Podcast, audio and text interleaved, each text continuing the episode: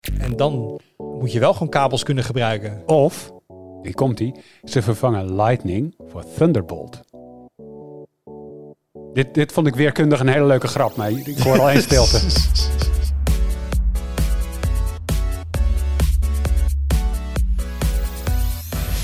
Hoi, leuk dat je luistert. Welkom bij een nieuwe aflevering van de Tweakers Podcast. Mijn naam is Wout en vandaag luister je onder andere ook nog naar... Niet onder andere, je luistert gewoon naar Arnoud Bokke Hi. En Julian Nubas. Ja, ik ben andere, dus onder andere. Dat is waar, maar dat, Ja, je- dit hallo. is met z'n drieën dan ook. Dat is Hallo. het dan ook wel. Ja, er zit daar niemand. Links van Ja. mij staat nog een stoel en daar zit normaal gesproken iemand die heel veel weet over... Nou, meestal gewoon Thijs eigenlijk. En dan... eh, en dan eh, ja, maar dat is niet nu. Maar we gaan het hebben over de... Klopt, eh, ik ben vandaag de expert. Precies, we Dat gaan het hebben leuk. over de Ja, PSVR 2. leuk. Ah, we zijn, jij bent de expert en wij zijn allebei ervarings... Nou, niet deskundig. Het, het, het- we We hebben, hem hebben, het product ook aangeraakt. Ja, Nee, dus ik ben de dan- expert. Of je er wijs van wordt is een tweede. Maar eh, Want wij- je had natuurlijk vorige week al even ge, eh, gehint dat je met de PSVR 2 bezig was. ja, En still going. ehm, daar komt toch echt nu een review van. En jij zit helemaal ondergedompeld in de wereld. Dus daar gaan we het uitgebreider over hebben. Ehm, maar voordat we doen, gaan we niet naar de highlights. Want we hebben natuurlijk ook wat nieuws eh, oh, tegenwoordig. wauw. Pieter. Post, Pieter. Post, met zijn poes verdient de kost. Punt post. Lekker hè? En wij vinden het in ieder geval leuk. Dat is toch belangrijk? Zit daar ook, hoor ik nou serieus dat Arna daar... de- Is dat, jou- is dat jouw stem die dan zegt van punt post? Punt. Ja. punt post. Zo snel mogelijk gezegd, zodat ik het er precies tussen kon plakken. Ah, ja. En, nu, en nu maar hopen dat we geen cease and desist in onze mail krijgen voor het gebruik van deze... dit is eh, creative license. Ik vind dat dit mag. Dus eh, welkom bij de Punt Post. Wij zijn weer eh, in de comments gedoken onder eh, de Geek en de YouTube-videootje. En ook ehm, In de mailbox. In de mailbox. En daar hebben we daar een kleine bloemlezing eh, uit, eh, uitgehaald. Dus ik zit even te kijken. Om te beginnen met Sander van de Vondervoort. Die zegt... ehm, Bedankt voor de jaren luisterplezier. Het voelt altijd nog eens alsof we hier net mee begonnen zijn, die podcast. Maar dat is blijkbaar al een paar jaar. Vijf jaar. Ehm, jullie waren mijn eerste podcast. Oh. Ach, Dat vinden we leuk om te horen. Ja, maar ik, het ging niet, even... ik niet, want toen, toen had je al een jaar naar Meneer om tafel kunnen luisteren op dat moment. Dus eh, jammer man. Even kijken, het ging over eh, onze discussie over eh, coax en hoe we internet kijken via IPTV en of het ooit van de coax afgaat. En hij zegt van ja, hij is ook overgestapt naar eh, via een app kijken, eigenlijk bij de KPN-app op Google TV. Ehm, en omdat hij nou, het kastje verbruikt heel veel standby, denk ik, dat is hartstikke mooi, mooi opgelost op die manier. Alleen het valt nogal tegen, want ehm, uitzendingen lopen 15 seconden achter. Vooral gemerkt met oud en nieuw. Ja, dat kan ik me goed voor. Ja, nou ik heb het vaker gezegd, dat is mijn leven. Hè? Gewoon eh, mijn best case scenario is dat ik 11 seconden achterloop. Dus, eh, maar inderdaad, kan leuk voor zijn. sport, voor live sport en dat soort dingen is dat echt niet... ehm, Ja, en Ja. voor live aftellen na 12 uur geldt natuurlijk exact hetzelfde. Ja, en hij zegt, je kan, eh, en dat heeft natuurlijk mee te maken dat de videostreams moeten bufferen. Ehm, en hij zegt, eh, ik kan dingen die net geweest zijn niet meteen kijken. Ik heb geen duidelijke tv-gids. Ik heb eh, geen teletext voor ondertiteling. Dus eigenlijk is Sander gewoon helemaal niet zo blij ja. met via een app kijken. En dat zijn natuurlijk wel allemaal dingen die opgelost kunnen worden, technisch gezien. Maar dan moet dat wel even gebeuren. Dus het is niet allemaal geweldig nog in de wereld van de, van de IPTV. Check. Even kijken, dan hebben we nog eh, Ante Zevenhans. Ik hoop dat ik dat goed zeg. Eh, dat is een heel verhaal, maar dat ga ik even samenvatten. Want ik had het over eh, lokale spraakassistenten. Ja. En wat je daarmee kan doen. En zei, hey, er was aan de KU Leuven, tien jaar geleden was dat al uitgedacht. Dat heette Aladdin. Wat tof. Over season desist gesproken. Ja, Oh, maar echt, Belgen kunnen zulke goede ehm, eh, eh, afkortingen maken. Dit is overigens gewoon... Is dat zo? Dus Aladdin met een L minder dan de normale Aladdin van Ja, dat is waar. Nee, maar er, er was een Belg die ontdekte een, een exoplaneet. Weet je wat de afkorting daarvan is? Nee? Trappist. het staat ergens voor, ik ben vergeten wat, maar ik vond Als, het hij nou, als hij nou wit is, ben ik helemaal fan. Mooi, kan ik waarderen. Eh, maar in ieder geval, dat, dat is eigenlijk tien jaar geleden was dat al ontwikkeld. Alleen het probleem is van, eh, van Aladdin was dat ehm, toen was de research grant op. Ehm, dus het is niet helemaal duidelijk wat daarvan ge- gekomen is. En dat heb ik wel vaker gehoord. hoor, Want er is ook een, de naam ontgaat mij. Maar bij de Universiteit van Stanford in Amerika werd ook gewerkt aan een lokaal iets. En dat wo- wordt dan één keer geld voor gegeven. Gaan onderzoekers heel enthousiast aan de slag. En dan is geld op en dan komt zo'n project stil te liggen. Dus mijn idee daarbij is wel dat dit niet de beste weg is om te bewandelen om een product als dit te ontwikkelen. Ja. Eh, kun je het beter of open source doen met heel veel enthousiaste mensen of bij een bedrijf wat er eventueel ook geld aan kan verdienen. Ehm, want eh, de enige Aladdin die ik ken, eh, dat is van de Disney films. En ik heb hier voor de rest niks meer van gehoord. Ehm, dan nog eventjes, eh Steve DB zegt, het ging over je smart home Wout. Hoe is het met je El Chipo bed detectiesysteem? Nou, dat gaat niet zo goed. Want dat werkt nog steeds niet goed. Dus, volgende. Nou, heel, heel even kort, wat, wat, wat was dat ook gewoon weer? puur de calibratie. Dat je kan zien of eh, kan uitlezen of iemand in bed ligt of niet. Oh, dat was met dat Eh, A4'tje, toch? Oh, ja. Met zijn A4'tje met aluminiumfolie. En dat kalibreren luistert gewoon nauw. En dan denk je eindelijk, oké, je moet namelijk de threshold vinden. Er komt een getal door. En dan, dat gaat naar beneden als er druk op het matras ligt. Dus je moet eigenlijk de threshold vinden bij welk getal is het bezet, ja of nee. En dan denk je, oké, ik heb nu het getal gevonden. En dan gaat het twee nachten goed. En dan gaat de sensor weer andere kant op. En dan moet je het getal weer... Dus ik ben constant aan het corrigeren. En ik denk, op een gegeven moment moet dat wel stabiliseren. Maar dat is het nog niet echt. Dus ik weet niet hoe betrouwbaar dit uiteindelijk gewoon gaat zijn. En het is al twee maanden ben je ermee bezig of zo. Ja, af en aan. Dan eh, heb ik een paar dagen niet gekeken naar die waarde. Dus eh, het is niet een, eh, een onverdeeld eh, succes. Ehm Luke die zei nog... Die vond het ongemakkelijk kijken naar onze podcastvideo. Want we zitten in hetzelfde gebouw aan dezelfde tafel. En we kijken elkaar aan. Maar wij zitten met hoofdtelefoons op. Ja, ik, ik weet dat er on, daaronder iemand reageert met... En ze hebben ook microfoons voor zich, hè? Vet raar. Maar eh, ik, als je ooit eens in een eh, audio-opname hebt gezeten... het is heel fijn om een microfoon op te hebben. Want dan hoor je jezelf. Dan ben je ja, terug. dat. je En het is ook, we hebben wel eens met deze schitterende, zeer hoogwaardige eh, setup die wij hier hebben, het gebeurt. Je zal het niet geloven wel eens dat er ineens een microfoon eventjes uitvalt. Ja. En dan is het wel fijn dat je dat meteen hoort, want anders ontbreekt er gewoon een stuk in de podcast. Ja. En het is ook trouwens gewoonte, omdat eh, we hebben natuurlijk, bedoel, wij drie is in de podcast, maar we trekken vrijwel alle collega's ook wel af en toe aan de podcast. En eh, niet iedereen heeft dezelfde microfoontechniek. Ja. En als iemand even weg gaat praten, Ja, hoor je dat microfoon, Dan hoor je dat meteen. Dus koptelefoons essentieel bij opnemen. Look. Ehm, en Christian zei nog tegen mij een tip. Je kan je smart home hardware wensen. Een keer bij Louis van Everything Smart Home bij. Trouwens, als je dat niet kent, heel tof YouTube kanaal. Ehm, en die vent heeft het dit jaar zijn eerste eigen... Gewoon die is begonnen als content creator over smart home. Die heeft nu zijn eigen sensor gebouwd en gewoon in productie genomen. En eh, dus ook verkocht. Het ding is constant uitverkocht. Maar eh, misschien wil die wel een voice assistant kit bouwen. Ik vind het helemaal geen gek idee, Christian. Misschien moet ik hem een keer een berichtje sturen. Dus, post. Ja. Trouwens, en voor toffe jingles moet je ook een koptelefoon op hebben, anders hoor je ze niet. Eh, dus daar. Eens eventjes kijken. Highlights. Arnoud, Ja, kom er maar in. ehm, het is een beetje raar dat ik aan tafel zit vandaag. Waarom is dat? Het is omdat eh, voor het eerst in vier jaar trouwens is er een volledige eh, Mobile World Congress in Barcelona. Ik ben daar, zolang ik bij Tweakers werk, elke keer bij geweest. Dit jaar niet. En dat, eh, dat voelt een beetje raar om anderen aan het werk te zien op die beurs waar ik altijd heb gelopen. Ehm, maar het is wel zo. En het is ook weer echt een volledige Mobile World Congress als in... er- zijn weer nieuwe telefoons, er zijn weer nieuwe aankondigingen. Nieuwe, dat was een beetje de vraag vooraf. Hè? Want Samsung die grijpt het niet aan. Sony Nee. doet dat niet. eh, Apple doet dat sowieso niet. Google doet dat niet. LG bestaat niet meer als telefoonfabrikant. HTC. Dus de vraag is een beetje, wat dan wel? Chinezen. En die, hadden, en die hadden genoeg te laten zien. En die hadden genoeg te laten zien. Ja, ik kan een paar dingen doornemen. Bijvoorbeeld Xiaomi. Eh, dat is de grootste fabrikant die eh, wel iets aan te kondigen had. Ehm, die had de 13 eh, Pro en 13 meegenomen. Zijn nieuwe high-end telefoons voor eh, eh, dit, eh, dit voorjaar. Die kwamen al uit in China, komen ook uit in Europa. Blijkt dat ze ontzettend duur zijn geworden. 1000 en 1200 euro, zeg ik even uit mijn hoofd. Hallo, hallo, hallo. De Xiaomi was altijd prijsvechter en zo. Ja, ze hebben ook nog een Lite. Die is iets minder, kost 500 euro. En ze hadden een AR-bril meegenomen om, eh, om te laten zien. Ik weet niet precies of die te koop komt. Maar dat was in ieder geval de grootste fabrikant die, die eh, iets aan te kondigen had. Maar bijvoorbeeld OnePlus was er. Maar die had alleen een concepttelefoon mee, die nooit uit gaat komen. Met waterkoeling, toch? Ja, met waterkoeling, die niet werkt, maar die je wel ziet. Dus je ziet het vloeistof stromen door de kanaaltjes aan de Maar, achterkant. maar, maar het het doet doet niks. niks. Maar het doet niks. De koeling, it does nothing. It Mooi, does man. nothing. En ze kondigden aan dat ze later dit jaar een eh, vouwbare telefoon gaan uitbrengen. Daarover gesproken. Zo, zoals zoveel. Zoals zoveel, want ook eh, Honor. Dat is tegenwoordig in handen van een consortium onder leiding van de overheid van Shenzhen in China. Dan zou je denken, dat mag vast geen Google-diensten draaien, maar dat mag het wel. Eh, die hebben ook eh, een vouwbare telefoon. Die brengen ze uit in Europa. Welk, welk formaat hebben we het hier over? Welk type vouwbare Dit is- telefoon? Die, en ze heet ook allemaal Fold. En het is zoals de Galaxy Fold. Gewoon langwerpig openklap als een boek. Ja, als een boek.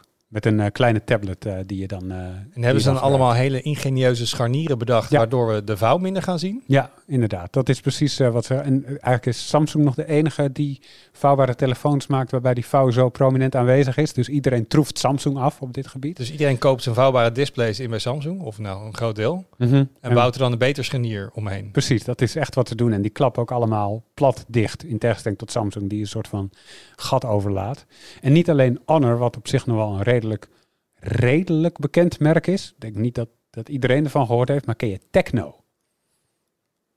Ik, ik, ik heb een idee bij Techno, maar dat is meer Ik heb ook de idee. Ja hoor. T-E-C-N-O, Techno. Nee. Dat is een Chinese fabrikant die groot is in Afrika. En dat klinkt niet als een heel goede potentiële markt voor een is- hele dure vouwbare telefoon. Maar ze maken een vouwbare telefoon. En is die dan ook goedkoper dan andere vouwbare telefoons? Eh, volgens mij niet echt. Al die dingen zijn hartstikke duur. Eh, dit is de Phantom Fold, maar ze hebben nog niet echt een prijs Doen wij, doen wij daar ook iets mee dan? Als in, als in, wat ik kan me heel goed voorstellen. Ne- Neem de luisteraar even mee in het redactionele proces. Want doen wij daar dan iets mee bij ons op de site? Aangezien dat ik nooit hier kom natuurlijk. Nee, klopt. We hebben volgens mij nog nooit iets met techno gedaan. In Omdat het hier gewoon niet te als je het is. in Nederland niet kan kopen, Dan schrijven dan wij er niet gaan aan. wij het niet... Nou, een nieuwsje of zo kun je wel meepakken als Ja. het technisch leuk is. Maar Ja, gaan we weinig zin om het te reviewen. Sowieso uitzonderingen daar gelaten in de jaren dat je de pixels natuurlijk niet in Nederland kon Ja, kopen. dus, dus Precies. een uitzondering voor bepaalde producten waarvan we weten dat ze heel populair zijn en dat mensen het misschien wel zouden importeren. Maar dan kan je het ook dichtbij kopen. Ja, Ja, de pixels waren altijd al in Duitsland. te Europa is wel een mooie, mooie basiseis inderdaad. Ja. En stel dat Techno als allereerste fabrikant ooit een vouwbare telefoon had gemaakt, Ja, dan had ik ja. gezegd, we importeren dat ding, Ja. want dan gaat het niet meer om aankoopadvies, dan Gaat het gewoon om... Ja, precies, precies. precies. En ze hebben wel een keer iets vernieuwends gedaan. Dat was namelijk, ze hadden, Ze hebben een keer iets Een keer vernieuwends iets gedaan. vernieuwends dat is gedaan. toch leuk? ze hadden een camera met uitschuifbare lens in een telefoon gezet. Een telelens die dus uitschuifbaar is. Dus niet, zeg maar, Nee, ik snap hem. maar fysiek. Als je over uitschuifbaar een telefoon begint, hoor ik meteen... Hallo baas, hier bij 1 ik heb ook altijd pech. Oh, oké. Nou, die hadden we ook, uitschuifbare telefoons.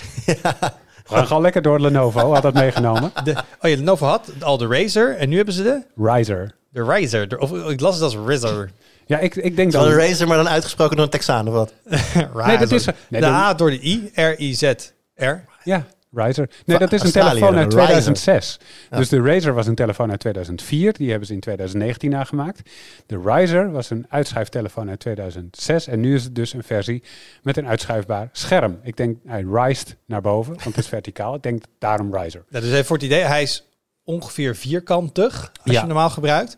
En het scherm aan de onderkant zit opgerold rond een soort asje. En als je hem dus langer wil maken, dan schuift hij naar boven uit. En dan komt Ja. er eigenlijk ja, een soort perkamentrol van onder, komt er wat extra scherm Ja, tevoorschijn. ja, een beetje, Dus- beetje de schermtechnologie die je bij Beamers gebruikt, zeg maar. Dat het een oprolbaar schermpje, alleen dan Ja. zit het scherm er Dan zelf is een OLED-display, ja. Ja. Ja, en om, om jou specifiek een beeld te geven hier, want ik weet dat je dit weet.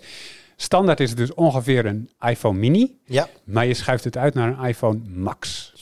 dat is een flinke, eh, flinke stap Ja, wel. maar- alleen hij wordt dus alleen langer en niet Ja. breder. Ja, leuk. Maar een leuk concept. En eh, in tegenstelling tot het OnePlus concept wil Lenovo hier wel iets mee doen.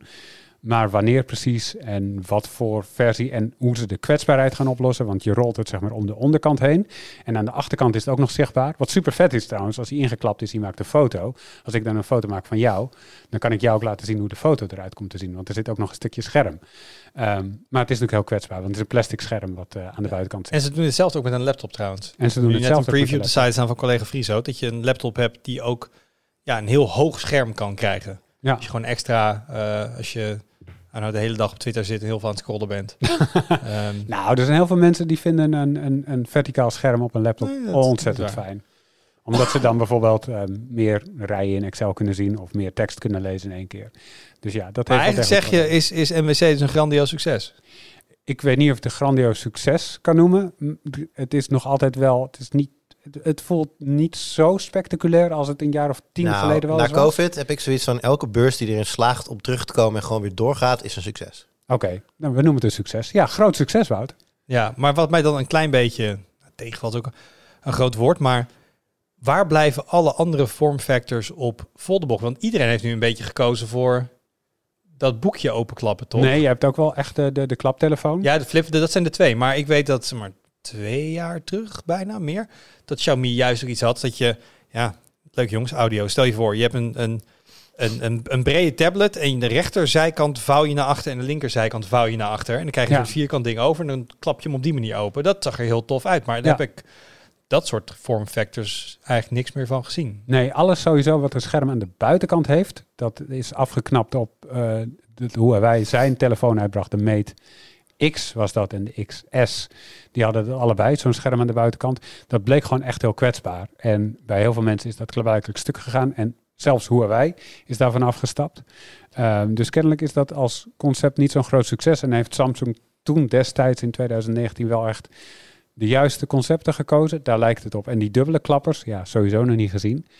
En ik denk dat, eh, dat fabrikanten dan inderdaad wel meer kijken naar die rolbare dingen. Om daar iets mee te doen, omdat het gewoon de, de, eh, eh, makkelijker te bouwen is, denk ik. Want als je meerdere scharnieren moet inbouwen, die folds, die zijn al zo ontzettend duur. Want bijvoorbeeld eh, Magic, Honor, de Honor Magic VS heet die geloof ik. Die komt dan uit. En Honor is toch een beetje, in mijn hoofd, nog altijd een budgetmerk. Zeker. Go- Gok de prijs. Een vouwbaar telefoon, dat zal boven de 1000 euro liggen sowieso. Het ligt boven de 1000. 1399. 1599. Auw. Dat is gewoon bijna een Galaxy Fold-achtige prijs. Dus ja, kennelijk die dingen goedkoop maken, dat is niet zo, eh, niet zo heel makkelijk. Laat staan dus als er twee scharnieren in zitten en het is dan nog lastiger te... te Ja, behalve dat het natuurlijk wel, als het gaat over variatie, hoe het eruit ziet. Ik vond bij die Samsung, bij die Fold, bij de eerste al heel, ik vind hem heel langwerpig. Ja. En daardoor vind ik hem dichtgeklapt in dat schermpje aan de voorkant heel priegelig. Mhm. En voor mij wat je wel ziet, is dat ze allemaal wat vierkanter worden. Waarbij je frontscreen, maar voor mij, nou, de, die, die Pixel Fold ook alweer gelekt en zo. Die gaat dat voor mij ook doen, net zoals de Oppo eh Fold Ja. eh, telefoon. Maar wie, is er dan nog iemand... Even kijken, dan heeft Xiaomi een Fold, Honor een Fold, Samsung een Fold. Dan komt Google later met een Pixel Fold. Huawei Dan heeft een Fold Huawei en een Flip. Fold, OnePlus komt met een Fold. Is er dan nog een Android-fabrikant die geen een grote... Sony? Is dat de enige? Sony heeft er geen één. En dat is geen grote fabrikant. Dat is tegenwoordig wel echt niet ja, het is een grote naam die ook telefoons maakt. Ja, precies. Er is ook iets met VR-brillen en zo blijkt tegenwoordig. Maar Ja. daar hebben we het zo over. ja. Nee, maar dan is iedereen is, eh, op de vouwbare trein gesprongen. En de vraag is, blijft die trein rijden de komende paar jaar? Ja, ja, dat gaan we zien. Maar in elk geval genoeg te kiezen, dus genoeg concurrentie. Dus ik hoop dan dat de prijs ook wat dalen en dat het wat, dat het, eh, nou ja, dat concurrentie daar zijn ding doet. Maar dat lijkt er tot nu toe nog niet op. En er komt over drie of vier jaar Apple met een vouwbare telefoon. Misschien, als en, het een succes En dan wordt. zegt iedereen, wow, vouwbare telefoons. Goed van Apple dat ze dat bedacht hebben. Jur, Ja. wat is jouw highlight? Ah, mijn highlight is er eigenlijk nog niet. Nou, dan wachten we eventjes. Ja, dan, dan dus, wachten eh, we Nou, even. Wat heb jij? Vraag het over een paar weken nog. Nee, ik, ehm, ik heb sinds kort, ik heb volgens mij ook al een keer wel verteld dat ik dat ging doen. Een, eh, een slimme deurbel, eh, die heb ik geïnstalleerd thuis. En toen kwam het moment ineens dat ik me realiseerde van ja, wacht even. Mijn, mijn camera binnen, die hangt op deze app. Mijn deurbel hangt op die app. Dan heb ik ook nog eh, zonnepanelen, die gaan naar die app. Mhm. Mijn energielever, mijn- de rest van mijn energie zit daar. Mhm. Dan heb ik ook nog, nou goed, zo kan ik nog wel even doorgaan. Eh, oh, maar daar vergeet ik nog de, eh, de, nou, de Tado. Dat is gewoon voor mijn warmte. Dat is ook Mhm. weer een andere app. Toen dacht ik, Vijf apps al. oh, en dan vergeet ik waarschijnlijk nog een paar. Oh, daarom hebben al die mensen zoiets als HomeKit of wat soort. Wat, wat, wat. Dus ja, mijn highlight is eigenlijk dat ik nu het punt heb bereikt dat ik bij mezelf denk van, ik moet het gaan integreren in iets wat op één plek zit. Want dit is te onhandig en te, ja, gewoon te onhandig, te stom om los te, te houden. Yes. Ja, ja, ik zie jou kijken van, come to the dark side. Come to the smart home site. Ja, maar Ja. dat is toch ook kansloos? Nee, dus dat is al die duizenden apps op je telefoon Ja, staan. nee, dus dat is een beetje mijn, mijn, volgende, mijn volgende is dit gaan integreren. En, en waarin en waarom weet ik allemaal nog niet. Nou, Dit je hebt nu een iPhone, dus ik zou zeggen, kijk hoeveel van die dingen compatible zijn met HomeKit, inderdaad, Apple Home. Dan heb je al één plek waar je het zou kunnen Ja. samenvoegen. Dus dat, eh, dat, zal, dat zoiets zal het wel gewoon worden. Eh, nu je trouwens de iPhone even noemt. eh, ik zag dat het niet in de puntpost was meegenomen deze keer. Maar ik heb naar aanleiding van vorige week ook weer van allerlei mensen DM's gekregen en reacties. En iemand die stuurde, ik weet, niet meer, ik weet niet meer wie het was, iemand die stuurde... Oh, ik had eigenlijk wel gedacht dat er meer iPhone-savvy nerds staat te luisteren. Dus ik had niet verwacht dat ik iets moet zeggen. Maar zo doe je het. En toen legde hij even uit hoe je, nou, wat ik wilde, hoe je dat dan instelt. En eigenlijk tegelijkertijd met, die, met dat bericht kreeg ik nog een heel aantal andere. Dus dat, die case die mag dicht. Hij, eh, dat moet Ja. dicht. Ik ben, eh, ik ben waar ik wil zijn. En, eh, nou ja, en als je nog... veel, dank, veel dank aan iedereen die de moeite heeft genomen mij even een berichtje te sturen. En mij op weg te helpen in de wondere wereld van iOS. en weet bij je volgende vraag en struggle dat er een heel army voor je klaar staat om je daarmee te helpen. Dat is toch leuk? Ja, ik, ik, ik, ik, ik vraag nu nog niet om, om, om smart home input. Ik ga mezelf eerst even rustig inlezen voordat ik van iedereen allemaal hele gerichte adviezen krijg. Maar ik, wil, ik wil nu iets heel erg stoms en elitairs en gatekeeperig zeggen. Oh, mag. ga het toch doen. Dit is niet echt smart home waar we het over hebben. Oh, Je- je- Mag, mag ik heel even op mijn spreekstoel? Zeker. tuurlijk. Want ik vind namelijk, want het zeggen ook heel veel fabrikanten die zeggen, oh, dit is voor een smart home. Voor mij is er verschil tussen een connected home. Dus Ja. je kan het met een appje aansturen of in één appje. Maar als je smart home hebt, heb je Gaan geen dingen appje. autom- gaan dingen dan gaat het automatisch. En heel veel fabrikanten zeggen, kijk, we hebben ook een smart home product, want er zit een app bij. Ik Maar dat, is helemaal integreer je niet dan fijn. toch ook in je HomeKit uiteindelijk, of niet? Of ergens anders. Maar het gaat meer om dat je, eh, en dat is niet zozeer richting jou, maar ook via fabrikanten die ergens aan een app aankoppelen en zeggen het is nu smart. Denk ik, nee, het is helemaal niet smart. Ik heb alleen in plaats van een fysieke afstandsbediening een Nou, virtuele ja, Oké, afstandsbediening. nou goed, als we hem zo gaan, dan heb ik in principe al een smart home. Want ik, mijn Tado weet als ik binnen zoveel eh, afstand van, als ik, als ik thuis ben, dan doet hij andere dingen dan als ik niet thuis ben. Ja, Dus dat, is slim. dus dat, vind ik smart. inderdaad. Ja. En er zijn ook zeg maar, echt, echt smart home dingen tegenwoordig. Nog steeds hartstikke lastig. En er komt heel veel uitzoekwerk bij kijken. Je moet heel veel zelf bedenken. En daar is nog echt de wereld te winnen om een huis echt slim te maken. Dat dingen gewoon gebeuren. Zonder Nee, dat je nee, dat is een goed verschil. Nee, daar, dat, is, dat zal niet de eerstvolgende stap zijn. De eerstvolgende stap is alle meuken die ik nu heb op één plek krijgen. En dat is ook echt al een hele grote stap in gebruiksgemak. Dat je inderdaad niet al die losse apps moet... eh, Ja, maar dan heb ik ook wel zoiets in. Maar als ik dan, als ik dan toch al in zo'n, in, daar, daar met, met iets als HomeKit aan de slag ga, ja, dan vind ik het ook wel leuk om inderdaad gewoon, want even voor jouw beeldvorming, als wij, als, als, als er bij ons eh, een nacht of een aantal nachten niemand thuis is, dan zet ik dus lampen met zo'n oude case nog, van die, van die klokjes eh, in de stekker, dat die doe ik er dan tussen en dan, dan gaat die gewoon op een vaste tijd aan en op een vaste tijd weer uit. Ja, dat is natuurlijk niet meer van deze tijd. Ik deed het laatst denk ik van, ja, dit moet ik gewoon, Heb, heb jij digitaal aanstuurbare lampen? nou nog niet. Dat wordt de volgende dan. Dat is eh. dus inderdaad de volgende stap. En dan denk ik van ja, ze- maar dan kom je inderdaad al wel heel snel in dat idee. Dan ga je waarschijnlijk ook met, dan ga ik natuurlijk ook bewegingsdetectie en dat soort dingen maken. Bewegingssensortje, hm, lampje hier, lampje daar. Ja, nee, dus ik word ook zo iemand. Ik, ben, ik, ik, lig, ik lig een aantal jaar achter op heel veel mensen, maar ik word er zo Ik word er zo heen. Van mij heb ik ook echt wel een keer een jaar of twee geleden in de podcast had het hier over. Dat jij ook zei van, ik snap echt niet waar, waar mensen... Ik snap het gewoon niet. Waarom moet je dit willen? Ja, Nou, ja nee, als, je here op een we gegeven moment, als je op s'avonds op de bank zit en het wordt een beetje donker, dan moet je dus opstaan. Dan ga je naar die lamp, naar die lamp, naar die lamp, naar die lamp. En dan staat spremd allemaal aan. Dan ga je even zitten en denk je, ja, dat had ook wel had makkelijker gekund. als ik zeg maar gewoon de deur uitloop, dan trek ik gewoon de deur achter me dicht. En dan weet het huis, Wout is weg. En dan gaat de verwarming omlaag. En dan gaan alle lampen in het hele huis Zit je, uit. zit je En- vrouw daar ineens in het donker. Nee, want dan weet hij ook of er nog iemand anders thuis is. Nee, nee, nee. Maar goed, dat dus. dus de, de, de- it- it's coming. Welkom ehm, in de wereld van de smart home. Ik eh, kijk uit naar je te verwelkomen. En ik, eh, als je daar vragen over hebt, ik vind het ook leuk om, om hier zelf dingen over te beantwoorden. Want eh, als iemand die met smart home bezig is, dat ken ik van iedereen die het doet, je bent, of je nou wil of niet, meteen een soort evangelist en helpdesk. Dus, ehm, en dat vind ik tot nu toe ook echt wel leuk om bij, bij mensen te doen. Jongens, ik heb ook een highlight. Maar ik ben er niet vrolijk over. Lowlight. Hmm. Er komt een iPhone dit jaar. Ja. En zoals we allemaal weten, dat ding gaat USB-C krijgen. Zijn katrenders zijn er gelekt en weten USB-C-poort. Jee voor de EU. Wetgeving. Jongens, ga het niet moeilijk doen met je eigen kabel. Hè, we willen gewoon alles eh, echt universal hebben. Dus je kan dan met elke kabel, elke oplader die je in huis hebt voor je laptop, kun je ook je iPhone opladen. Nou, prima dat toch? was het idee. Wat komt nu naar buiten? En dit is een gerucht. Ik vind het een heel plausibel gerucht. Het bedrijf Apple kennende. Ehm, want Apple, eh, Apple had altijd het Made for iPhone program, MFI. Dus als je accessoires wilde maken, moesten ze goedgekeurd zijn voor Apple. Dus een lader, een kabeltje, eh, weet ik niet wat. En ik denk, nou, maar nu gaan we nu USB-C. Dus ik kan MFI kan de deur uit, want USB-C is allemaal gewoon een standaard. Nee, Apple schijnt nog steeds met MFI door te gaan. Ook op het gebied van USB-C. En als je dus een niet Apple-approved USB-C kabel gebruikt, gaan ze je dus een beetje nerven in functionaliteit. Dus jij bijvoorbeeld gaat laden en je doet dat met een niet-approved USB-C kabel, terwijl die prima van kwaliteit kan zijn en prima gewoon genoeg shielding heeft, zou het verhaal nu zijn, dan Ja. kun je dus niet de maximale laadsnelheid gebruiken of niet de maximale overdrachtsnelheid of in ieder geval dat ze softwarematig gaan controleren of het wel een goede USB-C kabel is. Arnaud zit me aan te kijken of hij hier wat, wat op wil zeggen. Mag ik, het, mag ik het even opnemen voor Apple? Dit is, dit is heel normaal. Als jij een OnePlus hebt of zo, of een andere telefoon, meestal van Chinese makelij, en je wil de maximale laadsnelheid hebben, dan heb je de juiste adapter en de juiste kabel nodig. Anders doet hij het niet. En dat komt omdat eh, eh, sommige van de logica zit in de adapter zelf, of er is iets met die kabel om te zorgen dat het werkt. Ehm, en ik denk dat Apple daar ook op overstapt. Dus ik denk dat ze zeggen, oké, je kan USB-C en dan kun je laden met, eh, met weet ik wat, 20 watt of zo, zoals een, een, een, een- ja, de, de, alle telefoons eigenlijk wil doen. Wil je onze speciale 50 watt snelheid halen, dan heb je een speciale adapter en kabel van Oké, Apple maar nodig. een OnePlus, die gebruikt ook een, een eigen laadstandaard. Die hebben Ja. daar zoiets op bedacht. Ehm, ik verwacht eigenlijk niet dat Apple nu met een 50 watt laadstandaard komt. Ik bedoel, voor iPads, voor MacBooks gebruiken ze ook gewoon de USB Power Delivery. Mhm. Zo eerder dat ik het een beetje las, gaan zij de USB Power Delivery standaard gebruiken, maar daar extra controles op inbouwen. En als ze dat zouden doen, Ja, dan heeft er ook geen reden om dat. Kijk, als ze Nee. zeggen, wij komen echt met een eigen laadstandaard, zwaar, dan snap ik dat. Maar ik heb nog nul geruchten of iets anders gehoord dat die kant op wijst. Dus dat zal Mhm. dan de toekomst moeten uitwijzen.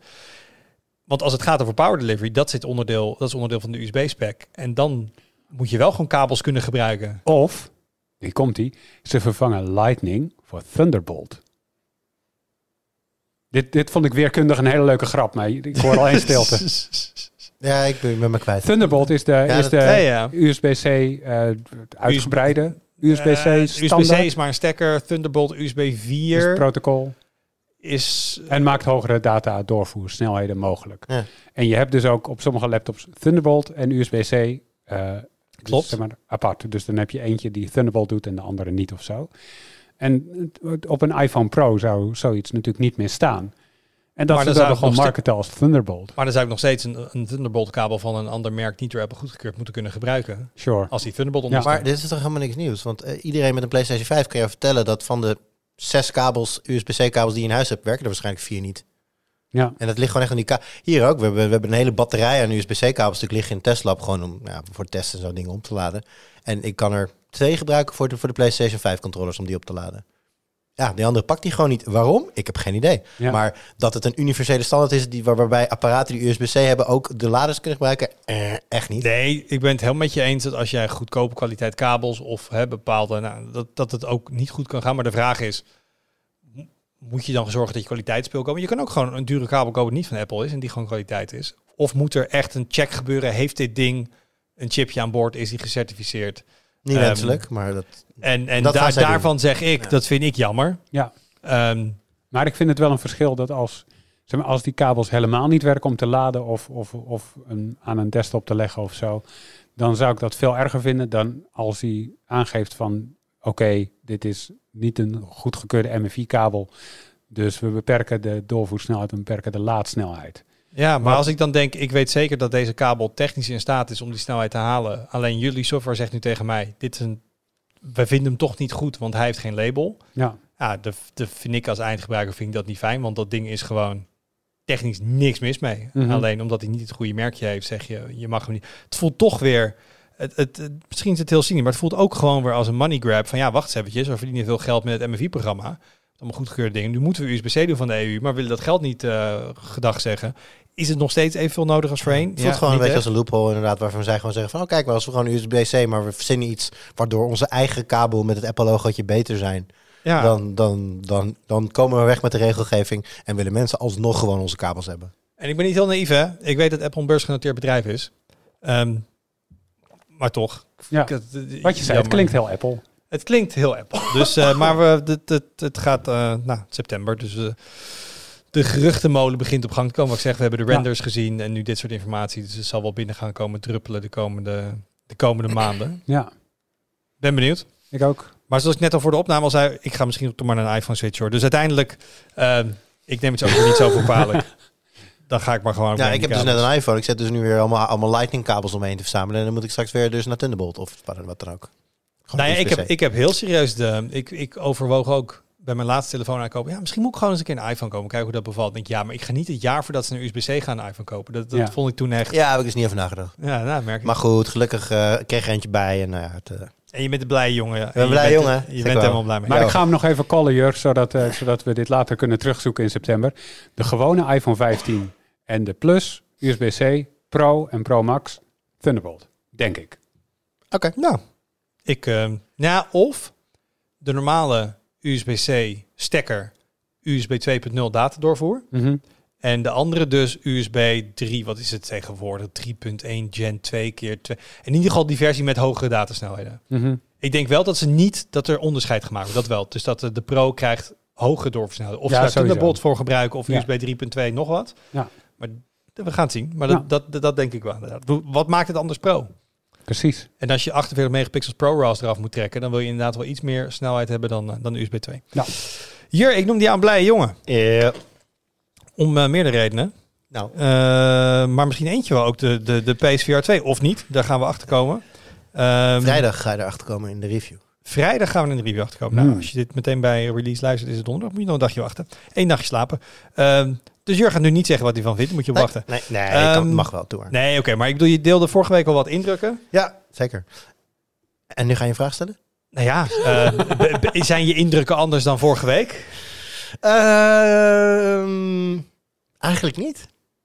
Ik was, ik was vol- volgens mij was. Nou, moet je even de aflevering van vorige week nog een keer Nee, volgens luisteren? mij was de samenvatting vorige week erg indrukwekkend, maar ik, ik, ik, eh, ik word er echt moe van en, toch een en ook een beetje misselijk. En ik weet niet waarom dat is. En ik vind het nog steeds indrukwekkend en heel tof. En eh, nou ja, kleine spoiler voor de, voor de videoreview, maar ik geef daarin aan dat Half- Half-Life Alex niet langer bij mij op nummer 1 staat als het gaat om beste VR-game. Shots fired. Dus Mm. eh, hij is gezakt naar plaats 3. Gran Turismo en, en, eh, en Horizon zijn daar voor mij nu boven. Dus dat geeft wel aan dat ik het heel tof vind. Alleen, ja, wat ik dus bij andere brillen wel had, dat ik gewoon probleemloos vier uur achter elkaar kon gamen zonder dat ik daar... Kijk, als je dan de bril afdoet, dan merk je wel van, oh, ik ben wel echt gewoon moe geworden. Brandende ogen, dat soort dingen. Maar dit, ik moet echt na half uur, drie kwartier, moet ik echt stoppen. Want dan, en dan ook echt, nou, echt een half uur pauze nemen. Want ik word dan, dan word ik gewoon echt misselijk. En, en, en, Ja, ik heb hem ook even opgehad deze week. En ik meen dat ook te ervaren. En toen zei de volgende dag, hey, voor mij hebben we voor jou de eye-tracking helemaal niet opnieuw gedaan. Eh, dus met dat Fovia, dat rendering. En waarschijnlijk zat ik constant naar half op een scherp beeld te kijken. Dus dat kan... ja, Mijn ja. ervaring is daarmee niet echt heel Ja, erg nee, een goede, goede benchmark. Trouwens, ook eh, even uit de, de post. Ehm, Alice die had nog gestuurd, eh, dat kan ook nog te maken hebben met hoe de paneeltjes worden aangestuurd. Via PWM, via pulse width modulation. Dan kun je een soort van ja, bepaalde flikkering, niet echt heel erg duidelijk zichtbaar, maar wel onderbewust. Ja. Eh, want die heeft altijd last met een, eh, een, een Asus Vivo boek met een OLED-scherm. Ja, die En ook, ook- Alice vroeg ook eh, bij eh, de originele PSVR, die had ook OLED, maar dan met een lagere resolutie. En hij vroeg van, eh, heb je daar, had je er daar ook last van? Die heb ik niet zo heel veel gebruikt. Ehm, ik kan, het is ook te lang geleden, want toen hij net uitkwam gebruikte ik hem wel vaak. Bij mijn weet heb ik daar geen last van gehad toen. Nee, en ik heb zelf een Quest 1, ook met OLED, daar heb ik het ook nooit gehad. Maar ik meende, alleen het probleem is, ik heb dus die PSVR op gehad en jou hierover gehoord. Dus ik was heel erg Aan het zoeken naar... het zo- ja. heb, heb ik er ook last van. Dus ik, Ja. ik ben niet helemaal een, een onbevoordeeld eh testsubject.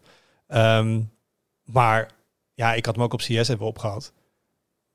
Wat een kwaliteit. Nou, dat is het. En ehm, kijk, eh, ik, het is eh, de beste VR-ervaring die ik tot nu toe heb meegemaakt. Even los van de fysieke ongemakken die... Nou, je hoort het aan mij, ik ben ook nog steeds wel een beetje verkouden. Dus daar kan hè, verkoudheid, eh, dingen... De evenwichtsorgaan kan daar ook wat last van hebben. Dus het is helemaal niet gezegd dat het alleen maar aan de bril ligt. Los daarvan vind ik het de vetste VR-ervaring die ik tot nu toe heb gehad. Ja. En daarmee wil ik niet automatisch zeggen dat dit de beste VR-bril is. Maar je, je, je moet een combinatie hebben tussen hardware en content. En de combinatie PSVR 2 en, nou, laten we zeggen, Horizon... Ja, is nu voor mij het beste wat ik heb gespeeld in, in, in, in VR-gaming.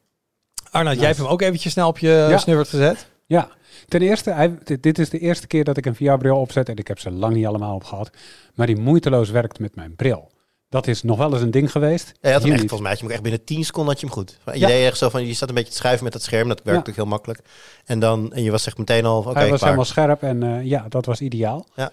Ehm, en eh, wat me ook opviel, in het begin zit je ontzettend te kijken van wat is mijn field of view en zo. Valt al heel snel weg. Eye tracking had eh Jur voor me uitgezet.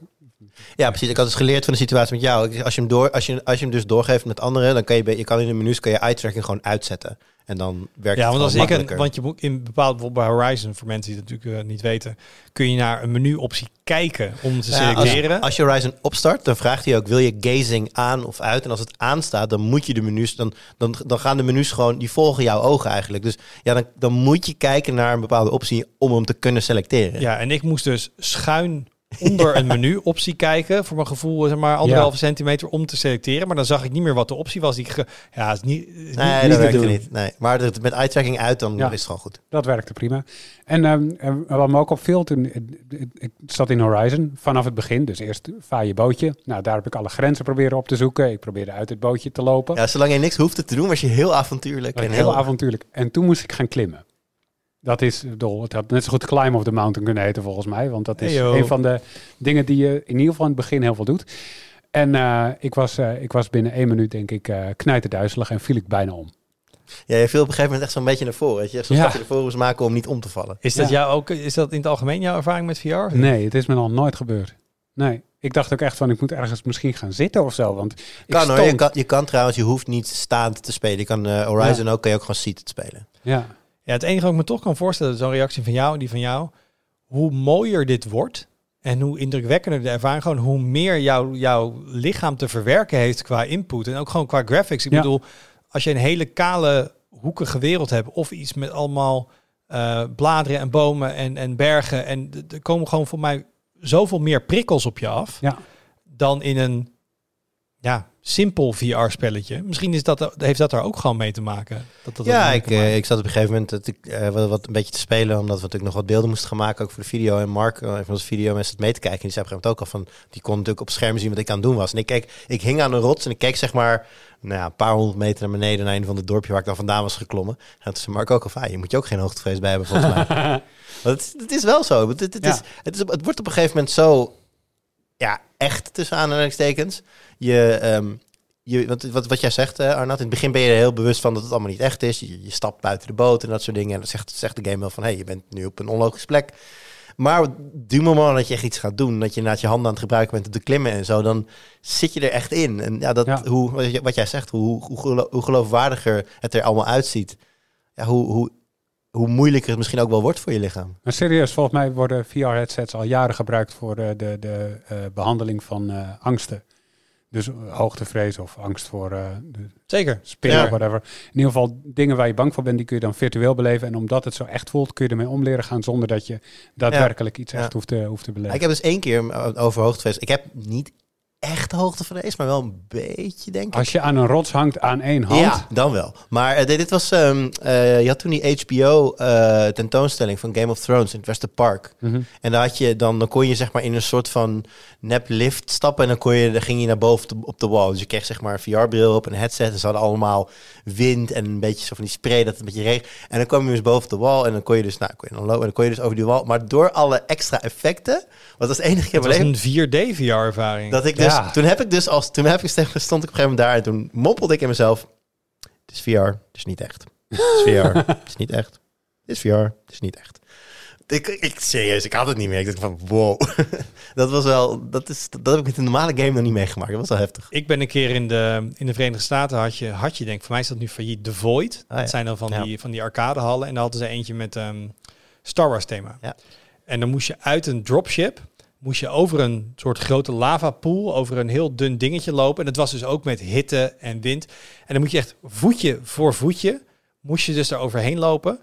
En het stomme is, je loopt gewoon plat de ondergrond. Ja, En je gaat dus van links Ja. naar rechts. Je probeert Ja. je balans te Ja, houden ja, en je ja. kijkt naar beneden. Dus ja, uiteindelijk weet je, wij zijn ook maar gewoon een, een domme hoop vlees met wat neuronen. En ik bedoel, als je maar gewoon als het via je ogen naar binnen komt, dan kun je wel dat soort dingen triggeren. ja. Ja. mooi hè? Ja, wel, wel bijzonder. Maar je probeert in die game, want het heeft wel gevolgen in die game als je valt. Dus dat je balans wil houden, dat is daadwerkelijk in die game heel logisch. Ja, maar het, het- kijk, als ik nu gewoon zonder zo'n bril in een rechte lijn gewoon hier door de kamer loop, Ja, dan denk je dan ga ik niet opeens wow naar links, dan, dan loop Ja. ik gewoon recht. Terwijl ik hier wel moeite had met balans. ja. Eh, dat is gewoon raar. Maar we hebben het de hele tijd over Horizon. En dat is dus blijkbaar een heel leuk game. Je kan klimmen en boogschieten. Dat is het ongeveer toch? Ja, wel meer wapens. Maar het is inderdaad, het is dat. Het is het, het, is het eh, ja, door de wereld heen eh, zien te komen. Dat gaat met puzzeltjes en met heel, heel veel klimmen.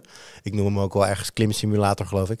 Ehm, en inderdaad een beetje boogschieten. Het is niet een game zoals zeg maar, de open wereld Horizon games die we kennen. Het is echt gewoon lineair. ehm, ja, een stuk korter ook. Ja, oké. maar hele indrukwekkende game. Punt. Dus heb je zo'n ding, ga je een PCR kopen. Ga vooral spelen. Must play. En dan? Ja, dat is een hele goeie. Ehm, om te beginnen, de line op PSVR 1 heeft inmiddels al best wel, eh, best wel indrukwekkende eh catalogus. Volgens mij meer dan 500 of 600 games die je met PSVR 1 kunt spelen. PSVR 1.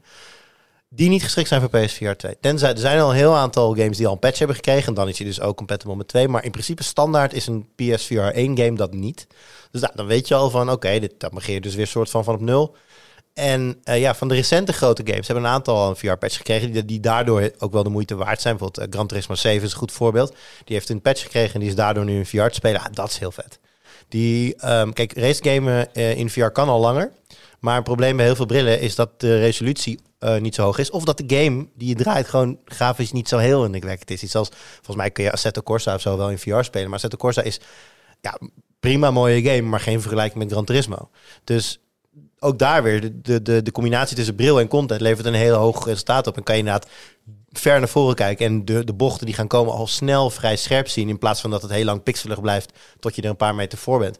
Dus uh, daarom, is, daarom maakt P, uh, Gran Turismo 7 maakt een mooie sprong. Dus dat is een goede. Ik vond Resident Evil Village ook tof. Dan, nou ja, je, je hebt bijvoorbeeld een zaklamp vast en normaal gesproken is dat gewoon, ja, die houdt, houdt personage voor je vast. Nu kan je dus een van de controllers en dan kan je gewoon zelf zo rondschijnen met een zaklap. Oh, zaklap. Maakt het meteen een stuk, uh, stuk, stuk, stuk spannender. Enger, vond, ja. Maar ik vond het ook wel moeilijker. Want um, ja, in, in, de game, in zeg maar normaal gamen kun je gewoon draaien met een thumbstick en dat doe je dan vrij snel. Terwijl hier, ja, je moet jezelf omdraaien. En als je dan wordt ingesloten door verschillende monsters. Ik vond het een stuk moeilijker in game in één keer. Ik ben ook veel vaker, veel sneller dood gegaan. Dus ik had wel zoiets Maar dat is wel realistischer. Want als jij in een dorp met zombies Als er rondloopt... vier zombies om mij heen staan, dan uh, zeg ik jongens vaarwel. Ik ga daar niet veel meer aan doen. Dat is jammer. Ik ga, ik ga me bij hen voegen zeer waarschijnlijk dan.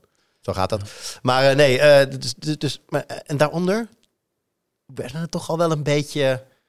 Uh, zoals als Mos 2 bijvoorbeeld. Ik heb niet heel uitgebreid gespeeld, zit ook niet in de review daardoor. Maar ziet er wel vet uit, maar gaf mij niet het idee van... oké, okay, dit soort game is dat? Uh, ja, je, je, bestuurt eigenlijk de, de, wereld om een muisje heen. Uh, Mos is een muisje. En ja, het is een soort van uh, platform game, min of meer. Zie het alsof je een kijkdoos de hele tijd moet, moet bewegen om een personage verder te helpen. Daar komt, daar komt de, de core mechanic een beetje op neer. In ieder geval van, van Mos 1. Mos 2 heb ik niet uitgebreid genoeg gespeeld. Maar die game en ik, een, um, een andere zombie game die ik heb gespeeld ik wil niet zeggen 13 in een dozijn, maar dat waren, dat, dat waren ook visueel gezien VR-ervaringen. Waarvan ik zo zat van ja, maar dit, give or, met de kabel aan mijn Quest 2 vast, zou ik hier best een heel eind kunnen komen qua, qua hoe dit er dan uitziet. Daar, daar, daar had ik niet dezelfde ervaring mee. Ik vond Kayak VR ik nog een goed voorbeeld. Dat zag er van een Nederlandse studio trouwens ook. Uh, dat zag er op sommige momenten fotorealistisch uit, maar dat is ook qua game dan weer te simpel. Het is een beetje rond kajakken, meer is het niet. Aha. Heel tof om rond te kijken van, oh ja, dit is wel echt heel leuk om te doen in VR, maar dat doe je En zijn keer. dat gewoon full price games? Krijg je hier ook een game bij als je hem koopt? Uh, in principe niet, tenzij je de Horizon Bundle hebt gekocht natuurlijk. Uh, ik weet ook niet of er gratis games beschik beschikbaar zijn voor, voor Maar betaal ik om te, een beetje rond de kajakken 70 euro? Nee, nee, die is wel goedkoper. Ik zei, ik, heel eerlijk, ik heb de prijs hier niet paraat. Want ja, ik heb, wij hebben natuurlijk gewoon een hele reeks downloadcodes gekregen om alles te kunnen uitproberen. Ja, joh. Betaal we niet voor. Zo, uh, de, de, ik wil zeggen de belastingbetaler, maar dat is niet het geval. Deze krijgen we gewoon van, uh, van bedrijven. Uh, nee, dus dat, daar moet je het antwoord op schuldig blijven. Maar nee, in principe kosten al die games wel gewoon geld. Ja, tuurlijk. Oké, okay, maar je noemt er nu vier, vijf, ja, nee, dus, zoiets. Dus inderdaad, is, heeft Sony een soort line-up aangekondigd en dit, als je hem nu koopt, kun je het volgende jaar van ons verwachten? Ja, nou, er is, uh, onlangs is er een State of Play geweest, afgelopen week volgens mij, waarin er weer een aantal uh, uh, PSVR 2 titels ook voorbij kwamen. Ben even kwijt welke dat waren, maar goed, dat, dat geeft al aan, uh, er ligt eigenlijk wel een plan. Maar het probleem is een beetje, en dat is eigenlijk voor de hele VR-markt wel een beetje waar. Ik bedoel, als jij nu tegen iemand zegt van, oh, dat is leuk op VR, wat zeg je? Dan zeg je Half-Life Alex. hey, maar heeft, en, uh, heeft en, Nederland zelf en, nog voetbal? En, en, Beat Saber. En Beat, ja, nee, precies. Maar, maar het zijn heel specifiek. Er zijn nu mensen die nu luisteren en veel VR spelen, denken, waar hebben u het over? Want ik kan er zo tien noemen. Dat weet ik. En er zijn ook echt wel wat meer. Wel een beetje niche over het algemeen. Het zijn, het zijn niet echt zeg maar de, de klappers die. Wel, als jij een VR-bril hebt en je hebt, en je hebt Alex niet gespeeld, dan heb je het fout gedaan. In principe. Als je PC VR doet, en dan heb je wat gemist in ieder geval. Ja, nee, precies. En, dat, en er zijn gewoon niet zo heel erg veel games waarvoor ik dat zou zeggen. En Gran Turismo 7 en uh, Horizon komen daar nu voor mij bij. In het geval dat je naar de PlayStation 5 en die, en die bril hebt. Uh, maar ja, het geeft al aan. De hardware wordt steeds cooler. Of je nou kijkt naar de, de 5 Pro 2 of de Pico 4. Allemaal wat hele toffe dingen gedaan in die markt. Maar ja, je moet wel content hebben om het zo. Om ook de, de, de investering te rechtvaardigen voor jezelf alleen al. Ja, ik mis die content al heel lang. En ja, nu is er dan een leuke. Eh, krijgt een boost. Want dit is natuurlijk. Je, je hebt natuurlijk een, een launch line-up nu bij de PSVR 2. Ja, het, het is. Um, uh, het is de grote vraag hoe het er over twee jaar voor staat. Of je hem dan inderdaad nou ja, nog regelmatig gebruikt. Of dat hij dan toch gewoon in de kast ligt naast mijn Quest 2. Maar ik denk wel dat Sony de, de beste kaarten heeft. Want als jij nu ja. als Ja. gameontwikkelaar denkt... ik ga misschien een PC VR-game maken. Dan zit je, oké, maar er zijn zo verschillende brillen. Ja. En eh, weet je, daar moet je allemaal rekening mee houden. En ja, maar je bent met verschillende soorten PC's, en verschillende soorten videokaarten. En je bezit gewoon niet de hele verticale integratie, zeg maar. En Sony weet precies wat dit ding kan. Ze weet precies hoe ze moeten optimaliseren.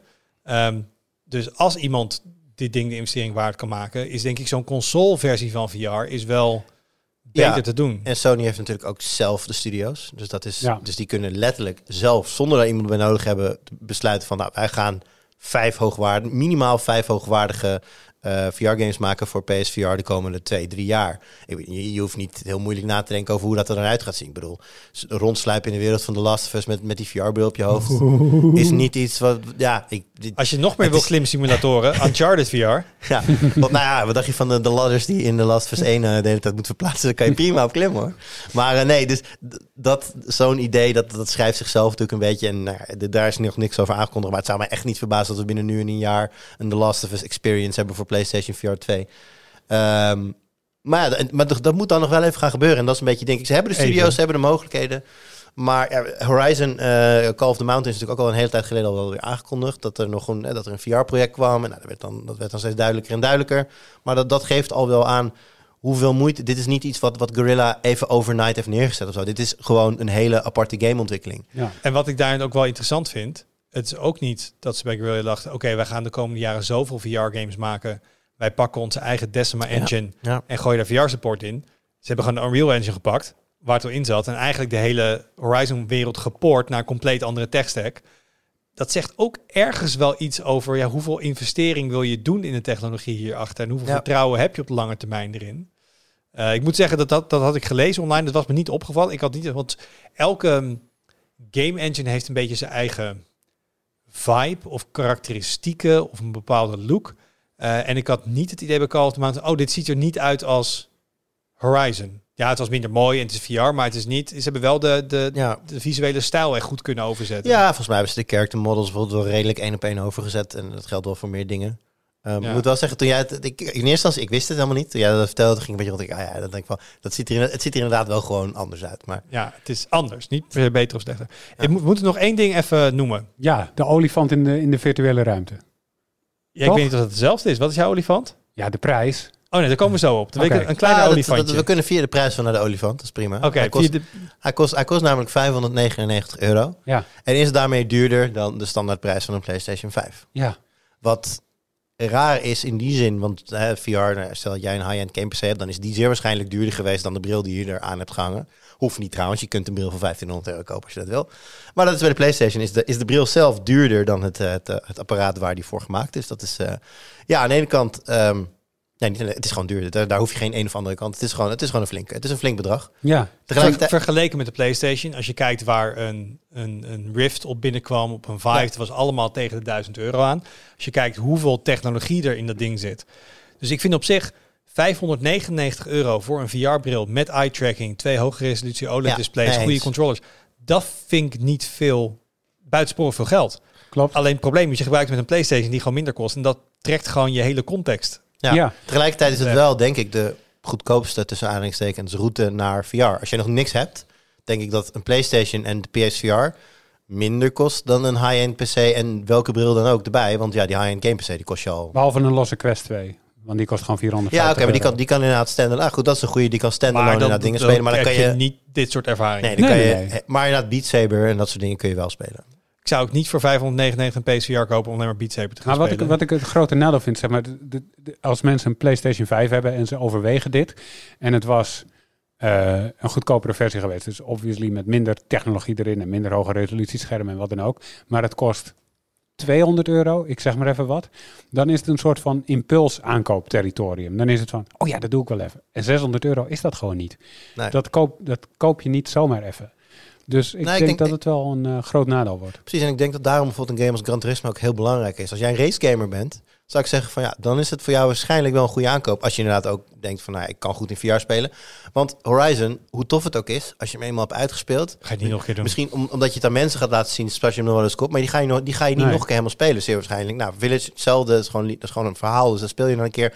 Race games eh, zijn natuurlijk een goed voorbeeld van iets wat je altijd kan blijven spelen tegen andere mensen. Dus je moet een, een soort terugkerende ervaring hebben. Ja. Die, want hetzelfde met Alex. Als je dat één keer gespeeld dat is super tof. Maar als je het één keer gespeeld hebt, ja, ga je het nog een keer doen? Waarschijnlijk niet. Dus Dat is een beetje het ding. En, ja, dat is ook waarom mensen voor race games hele race setups bouwen. Want ze gaan gewoon een paar uur per week racen erin. Ja. En dat is hier ook het geval. Nee, maar als je zeg maar in die impuls aankoop territorium zit, dan heb je een soort van visuele cirkel waarbij er veel verkocht worden. Daardoor worden investeringen in games ook weer de moeite waard en dan Ja. komt die cirkel op gang.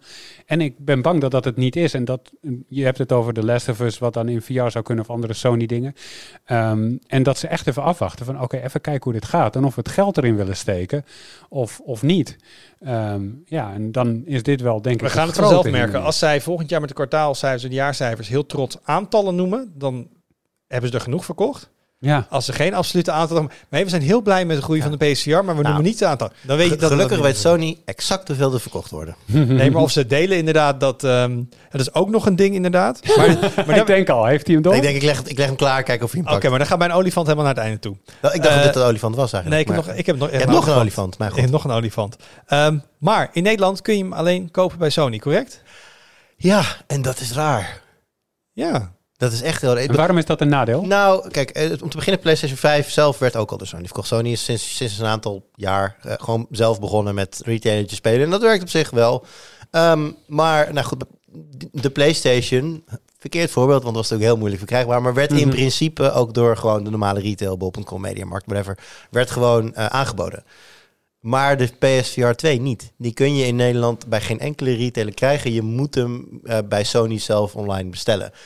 En eh, eh, dat is, nou ja, dat blijkt eh, niet een ideale oplossing. Want er zijn alleen al bij ons op het forum een heel aantal mensen die klagen over, ja, over moeilijkheden in het, in, het, in het proces. Over het feit dat de klantenservice van Sony niet bereikbaar is. Ik geloof dat iemand op een gegeven moment eh, de Engelse afdeling te pakken had gekregen. En die konden dan ook wel in het systeem en die konden ze dan wel helpen. En dat was dan een soort van oplossing. Een ander, ik las echt dat iemand had de ACM aangeschreven, omdat eh, Sony dus de klantenservice dus niet bereikbaar was. En nou, dat is niet volgens de regeltjes van, eh, van hoe dat dan moet. Dus ja, dat geeft al. Kijk, dat geeft aan dat er wat problemen zijn. En dat is op zichzelf niet zo erg. Maar normaal gesproken kan je denken van, nou wacht even. Ik zie dat heel veel mensen problemen hebben met die re- retailer. Nou weet je, ik heb goede ervaring met die retailer. Dan is er wat te kiezen. En dan zijn de problemen niet per se heel erg. Maar nu lees je dus dat er allerlei problemen zijn. En als je hem zelf wil, kan je niet anders dan hem bij diezelfde plek prio gewoon bestellen. Heeft dit te maken met al het gedoe rondom de verkrijgbaarheid van de PlayStation 5? Waarbij retailers zelf bundels gingen maken, gingen zeggen je moet dit erbij kopen, prijzen omhoog, die zelf bijna een soort gingen... Ik bedoel, de verkoop van de PS5 heeft niet in een goed daglicht gestaan. En ik kan me wel voorstellen dat Sony denkt, weet je wat, we trekken voor dit ding alles naar onszelf toe. Dan hebben we tenminste dit helemaal in eigen hand. Want met PlayStation 5 ging het in ieder geval niet goed, met de retailmarkt erbij. Ja, klinkt vrij plausibel. Ehm, ik weet het niet, dat is het eerlijk antwoord. Is ik, dit eh, tijdelijk? Eh, ja, dat wisten, daar ga ik van uit. Ehm, al was het maar omdat eh, ik weet bijvoorbeeld dat Coolblue hem wel op zijn site heeft staan, maar gewoon mo- momenteel nog als niet leverbaar. De verwachting is wel dat hij ooit wel uitgeleverd gaat worden aan retailers. In andere landen is het al eh, zo. Volgens mij kon je eh, de Italiaanse Amazon heeft de, de bundle-versie met Horizon wel verkocht. Oké. Wel alleen op uitnodiging. Dat is dan weer daar. En, en in Amerika sowieso hebben andere retailers hem ook wel gewoon. Dus ehm, het is niet zo dat Sony wereldwijd heeft bedacht, we gaan hem alleen maar zelf verkopen. Oké. Alleen ja, hier, hier is het nog niet zo. Mag ik nog mijn olifant introduceren? Ja, ik ben nou heel benieuwd wat jouw olifant is. Er zit een kabel aan. Maar dat is een heel dun kabeltje. Hoe is dat een olifant? Nee, ik vind anno, ja, maar anno 2023, we hebben de... de Als het een olifant is, is het een slurf sowieso. Hè? ik wil het hebben over de slurf van de PS4 2. Ja. Ehm, ik merkte al bij even dat stukje Horizon wat ik speelde, dat ik dus ging omdraaien in de wereld met mijn rechter Dan thumbstick. voel je die kabel. Omdat Oh, ja, met ja. de thumbstick, want als ik mijn lichaam draai, voel ik die kabel over mijn schouder gaan. Ik weet als ik nu nog twee keer omdraai, dan zit ik klem. En dat voelt voor mij echt, jongens, dit probleem is opgelost. Dit hoeft niet meer. We hebben ehm, met mijn Quest destijds heb ik toen, eh, dat was eerst met een third party app, de Virtual Desktop, Oh ja. ehm, heb ik gewoon games van mijn PC naar mijn Quest gestreamd. Eh, toen kwam Oculus zelf met Oculus Link. Eh, of dat was met de kabel en hebben een wireless versie daarvan. Ehm, ik heb vijf jaar geleden al op CES gestaan met een HTC Vive met een wireless unit. Ik vind voor... Ik wil elke keer zeggen... Wat is nou het Nederlands voor immersive? I- immersief is, is niks, maar Meeslepend? Onder, onderdompelend. ik vind voor onderdompelende VR het best heel belangrijk dat ik geen kabels aan mijn hoofd heb. Mhm. Eh, en dat ik echt dus, want dan ben ik veel meer Ja, ik ben bang dat geneigd het een om... kost, kostenkwestie toch? Nee, oké, maar dus het, het- ik, dan, dan ben ik meer geneigd om stappen te zetten. Dan ga ik, door, ga ik hurken, dan ga ik draaien, dan ga ik nog meer in die wereld. Een soort versterkend effect. Ehm, en ik ben, ik ben met je eens, als je daar echt een losse zender bij had gewild, dus iets wat 5 had met zo'n 60 gigahertz zender en zo, dat kost veel geld. Dus de kabel, de kabel houdt je op een bepaalde manier soort van tethered aan de werkelijkheid. Ja, nou, maar Jij letterlijk, dat die- is wat het voor mij Jij, doet. hebt die jij moet die kabel los hebben om je helemaal los te kunnen maken van de realiteit. Ik vind het heel mooi gezegd, maar dat is letterlijk wat het is. Ik voel dan echt even, oh, ik draai mijn hoofd. Ik voel, Ja. Je voelt me over je Nou, schouder vallen. Ik heb een aantal keer gehad, volgens volgens mij heel, heel toevallig heeft Mark het ook gefilmd. Dat ik op een gegeven moment echt die kabels om mijn schouder heen sta te doen. Omdat ik dus zo gedraaid was, dat ik mezelf een soort van vast had gedraaid in de kabel. dat, ja, dat speelt mee. En dat is eh, absoluut een nadeel, staat ook in de review. Kijk, ik vind het... Het is niet voor mij een reden om te zeggen van, nou, dit ding is, dit ding is crap. Want het is gewoon Nee, steeds- tuurlijk nog steeds heel goed. En ook, vergeet ook niet, ik bedoel, ik weet van Erik, die heeft alleen maar zittend zitten spelen. Nou, daar heb je er sowieso geen last van natuurlijk. Maar nee, ik, beg- ik begrijp heel goed wat je zegt. Het is het kerstje Eh. op de taart, want ze gebruiken inside-out tracking. Dus in principe, als jij een hele grote lege ruimte hebt, Ja. zou je een speelveld moeten kunnen maken met deze technologie van wat ik wel 10 bij 10 meter of zo. Je kan echt, maar dat kan niet, want je zit met een kabel vast. En dat beperkt denk ik ook wel het soort games wat je kunt maken. Ja, ik heb wel al mensen gezien die met succes de kabels zelf hebben verlengd. Je kan er één, eh, in ieder geval één verlengstuk tussen zetten. Dan weet ik niet hoe, wat dan, dus er een bepaalde specs in die kabel zelf moeten zitten. En die mag dan ook weer niet te lang zijn. Maar dus, hij is volgens mij standaard drie of vier meter, weet ik even niet aan mijn hoofd. Maar hij is, laten we zeggen, drie meter. En ik heb in ieder geval mensen gezien die er twee à drie meter bij hebben gelegd. Dus dan heb je in ieder geval zes meter, dan heb je het wat minder snel. Nee, maar goed, dat, dan, je, maar je merkt het ook gewoon. Want Ik heb het op een gegeven moment wel. Ik zette mezelf zo ook heel. Ik had hetzelfde als jij. Van doordat je het toch voelt, blijf je wat meer stilstaan. Ehm, en ik, ik dacht, nou, ik weet, ik weet dat ik zeven areas heb, heb afgesproken. Dus ik ga gewoon lekker lopen. Maar soms sta je ook gewoon op je kabel. En dan wil je een stap zetten. En dan, oh wacht, ik, zit, ik, ik sta op mijn kabel. dat, dat, ja, het, het, blijft wel een onderdeeltje. Dat, dat je net even iets meer nog aan de realiteit houdt. nou ja, en wat ik zeg, ik heb in andere, ik heb een keer mijn hele woonkamer leeggemaakt met mijn, ehm, eh, met mijn Quest. En dan was ik Alex aan het spelen. En toen ging ik ook echt lopen. Ik had de Ja. ruimte om Mhm. twee, drie meter te lopen. En echt lopen in VR, fysiek, dat doe je bijna nooit eigenlijk. Je bent Ja. altijd met controles En het is zo belangrijk. Want in Horizon al. Kijk, wat ook nog met in Horizon nog meespeelt. Is als je dus draait met, de, met die eh, thumbstick. Dan zie je een soort van wazige versie van de wereld. Tot je gestopt bent met draaien. En ik vind dat, dat speelt bij mij zeer waarschijnlijk ook mee bij dat misselijkheids. Ik vind dat heel moeilijk om te handelen. Dat zie je dus niet als je met je hoofd zelf draait. Als je gewoon zelf je lichaam fysiek omdraait, dan blijft het beeld gewoon rustig. En dat is voor, je, voor, je, voor hoe jij dat, eh, voor jouw perceptie, ja. is dat ook veel makkelijker. En het voegt ook heel veel toe aan de, aan de, aan de ervaring. Ik was op een gegeven moment klimmen en dan moest ik ergens omheen. En dan, ging, ik- dan draaide ik ook met mijn lichaam om de rots heen, zeg maar. Ja, en dan wordt het zoveel echter, tussen aanhalingstekens. En ja, dat helpt wel. Nog meer onderdompelender. dus het, ik weet niet of het een olifant was, maar het, is wel, Ja. het is het, het, het- een beetje de verrangen nasmaak. Alles aan dat ding, de eye-tracking, OLED-panelen, comfort, controllers. Hoe makkelijk je installeert ze trouwens. Tikken echt al die plug and play. Ze tikken al die boxes. En denk van, als dit ding ook nog gewoon, zeker voor dit geld. En, en je zegt, hè, technisch ja, als je met zo'n dure zender werkt, is het één ding. Maar ik heb dus gewoon over wifi met mijn Quest, heb ik gewoon Alex gespeeld. En ik heb mij geen moment gestoord aan, ik weet niet waar zo'n de lat legt, maar volgens mij moet je ook gewoon met bestaande wifi technieken, moet je echt tegenwoordig een eind kunnen komen. Ehm, ja, nou, eh, olifantje, slurfje voor mij dan Ja, nog. nee, ik, ik wil zeggen, ik denk dat de kostenkwestie is. En ik denk ook, en dat is ook wel ding, ze hebben echt heel erg... ehm, het is heel makkelijk, heel intuïtief. Je, het is echt gewoon echt plug and play. De installatie ook super makkelijk.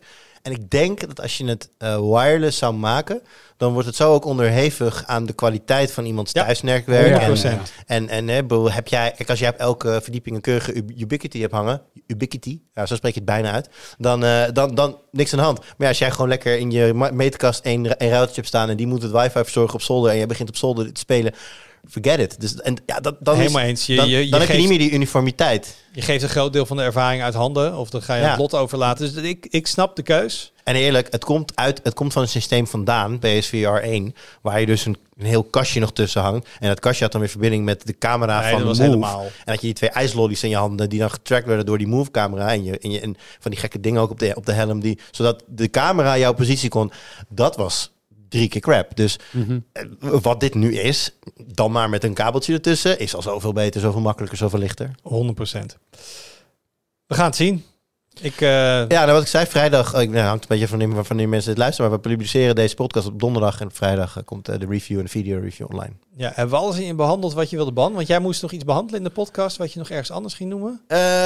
Ja, dat is een, nu, nu trap jij die vierde muur even in, maar dat is, dat is prima. Nee, ja, ik heb in de, inderdaad in de video review ernaar verwezen dat we het hier in de podcast hadden gehad over het feit dat hij alleen te koop is bij Sony. Ah, Dus had ik, tegen, had ik tegen jou gezegd van, ik heb dat in de video gezegd. Dat is wel heel belangrijk dat we straks in de Ik was podcast... even vergeten wat het was. Dus ik ging gewoon live even dat Ja, met nee, prima. Die vierde muur die is overbodig. Zo gewoon een hele redactievergadering. eh, gaan Hebben doen. wij ooit een vierde muur gehad? Ik kijk letterlijk in de camera als ik begin om mensen welkom te heten. Ah ja, dat, dat- hoe noem je het dan? Dat, eh, Hmm, We trekken het gordijn weg inderdaad. Het, ehm, het is tijd voor sneak peeken. heel goed. We zeiden net wat over MWC. En ik zei van die is er niet en die is er niet. En HTC bestaat niet meer. Of eh, eh, nou, heeft, mag geen, geen naam meer hebben zeg maar, in, de, in de industrie. En da- daar was je ook mee bezig. Zeker. Ja, het, het, het, het ging zo. Ehm, ik zat op YouTube, zoals men doet. En toen kwam ik een hele interessante video tegen over een soort van de, ehm, geschiedenis van HTC, een vroege geschiedenis. Ik dacht, dat is interessant. Ehm, en misschien wordt het dus tijd om, om een soort van vaarwelverhaal voor HTC te schrijven. Duik ik DSP in en wat kom ik me daar tegen? Een verhaal van vijf jaar geleden, wat nooit gepubliceerd is, van mijn hand, over hoe het misging met HTC. Dat waarom, was- Waarom hebben we dat nooit gepubliceerd? er was geen moment. Dus ze gingen toen op een gegeven moment eh, een smartphone tak verkopen aan Google. En die gingen dan pixels maken. En zo rond dat moment. En toen dacht ik, nou binnenkort kondigen ze aan, we gaan alleen maar VR-headsets maken. En we stoppen met telefoons. Dat moment is nooit gekomen. Ehm, dus dat verhaal, dat Maar staat er nog steeds. uur over redactioneel te denken. Jij miste het haakje. Ik miste het haakje. En eh, toen dacht ik, ja, we moeten het wel een keer doen. Want ze, ze brengen één telefoon Ja. per jaar uit die Nou, niemand wel- koopt. is trouwens wel typisch jij. Gewoon halve artikelen klaarzetten voor het geval dat Ja. er iets gaat gebeuren. Zeker. Dus als je nu ook, als dit verhaal online verschijnt, ik bedoel, on- al onze reviews hebben een ID, een nummertje. Dat staat achter slash reviews. En dan zie je ook dat dit een opvallend laag ID heeft ten opzichte van andere Ik verhalen. mag wel hopen dat je dit bijgewerkt hebt, geactualiseerd. Ik heb het goed. natuurlijk, ik heb het helemaal doorgelopen. Het is Wel grappig. een, een, een helemaal ander verhaal geworden met andere, want de grafieken werkt ook niet meer. Ehm, dus het, het is helemaal opnieuw gemaakt. Maar ik heb wel dat als basis genomen. Waar ging het mis met HTC? En het was zo'n geliefd merk, zo'n 10, 10, 15 jaar geleden op Tweakers. Jur, kom er even in. Wat was je favoriete HTC? Desire. Ja, een mooie naam was dat. Voor mij wel. was het de Sensation. Oh ja, dat je ook nog Sensation. Oh, voor mij was de Touch Diamond en de One M7. Ja, maar dat is een minder fijne naam. Ja, nee, dat, is Ja. waar, dat waren betere telefoons, maar ze hadden een minder leuke naam om in de microfoon van de podcast te zeggen. Precies. Dat is wel waar. Ja. Ja. Ja. Want ik had een Touch Pro 2 en die was ook heel leuk. Ja, als ik een koptelefoon op heb, dan zeg ik ook eh, Sensation. Door mijn eerste telefoon was een NEC 223i. ja, dat klinkt dan toch anders. Wauw, goed zo, je type nummer nog weet. Ja, Oké, dus dat komt eraan. Eh, is het leesvoer ook van jou? zeker. Dat is een boek van eh, Maxime Februari. Over, ehm, eh, heet Doe, Doe zelf normaal. Eh, gaat over hoe... Een gevleugelde uitspraak van onze minister-president. Ja, zeker, daar komt hij vandaan. Ehm, eh, hoe AI de democratie en de rechtspraak kan gaan veranderen. En of we daarover na moeten denken eh, hoe dat dan precies gebeurt. Ik heb het idee dat als iemand vraagt of we erover na moeten denken, dat het antwoord altijd ja is. Het antwoord is ook ja. Misschien moeten we daar maar... Zo, nee, hoef je niet over na te En denken. Let's gelukkig go. dat Maxime daar een boek over heeft geschreven. Dus Ja, dan ja. worden we aan het denken Heel interessant. eh, en eh, nou, ik hoop dat heel veel mensen daar eh, met plezier kennis van Trouwens, voor hebben. de mensen die heel erg te wachten op je HTC-verhaal, sorry. Dat zou eigenlijk op vrijdag komen, maar we hadden een dagje, Ja. we hadden een, dag- we hadden een dagje vertraging met de PSVR. Dus ik denk, ja, als we toch alle redactionele processen op, op tafel gooien. Dus heb ik. Arnoud gevraagd of hij misschien één dagje later wilde met zijn HTC. En dat wilde Dus die hebben HTC is niet ineens tot leven gekomen op zaterdag, denk ik. Een redelijk tijdloos verhaal. Serieus, als HTC vrijdagavond een high-end telefoon aankondigt, lach ik echt de ballen uit mijn broek. Mooi haakje zou dat zijn. Dat zou mooi zijn. Eh, en er komt nog veel meer online. En Jelle is wel bezig met de HP Envy. Ehm, er komt misschien nog wel iets aan vanuit. Moet Even kijken. Mhm. Fries en Donovan zijn daar. Lopen er misschien nog een previewtje daar vandaan. Eh, we hebben nog steeds, maar vanwege MWC was het ook wat vertraagd. Er komt nog echt voor de fans, er komt nog een OnePlus 11 review aan. Geluk- Wees niet bang, dat komt. Dus eh, je gaat je niet vervelen als je op Tweakers komt. Jongens, het, is weer, het was weer mooi, het was weer gezellig. Ik kijk naar de tijd op de opname en we zitten er weer lekker dik overheen. Maar dat maakt niet uit. Hebben we een tijd dan die we normaal... Ja, ik probeer toch altijd ergens op het uur te houden. Ja, moet ik het, weet niet, moet ik heb- het nieuws nu wachten Ik heb zo? nog een review af te maken, dus als, eh, als je Oké. Dank jullie wel. Dank je wel voor het luisteren. Heb je feedback eh, en heb je een hele interessante feedback of comment, denk je, ik wil ook in de puntpost, dan kun je ons mailen op podcast.tweakers.net of een comment achterlaten op YouTube of onder het punt geek op de website. Ja, of reageer gewoon met ik wil ook in de punt posten. Misschien kiezen we er één uit en dan noemen we die. ik wil, dat zou zomaar kunnen als we ik in een ook leuke in de puntpost. Tot volgende week. Doei. Pieter Punt. Post, Pieter Punt. Post, met zijn poes verdient de kost.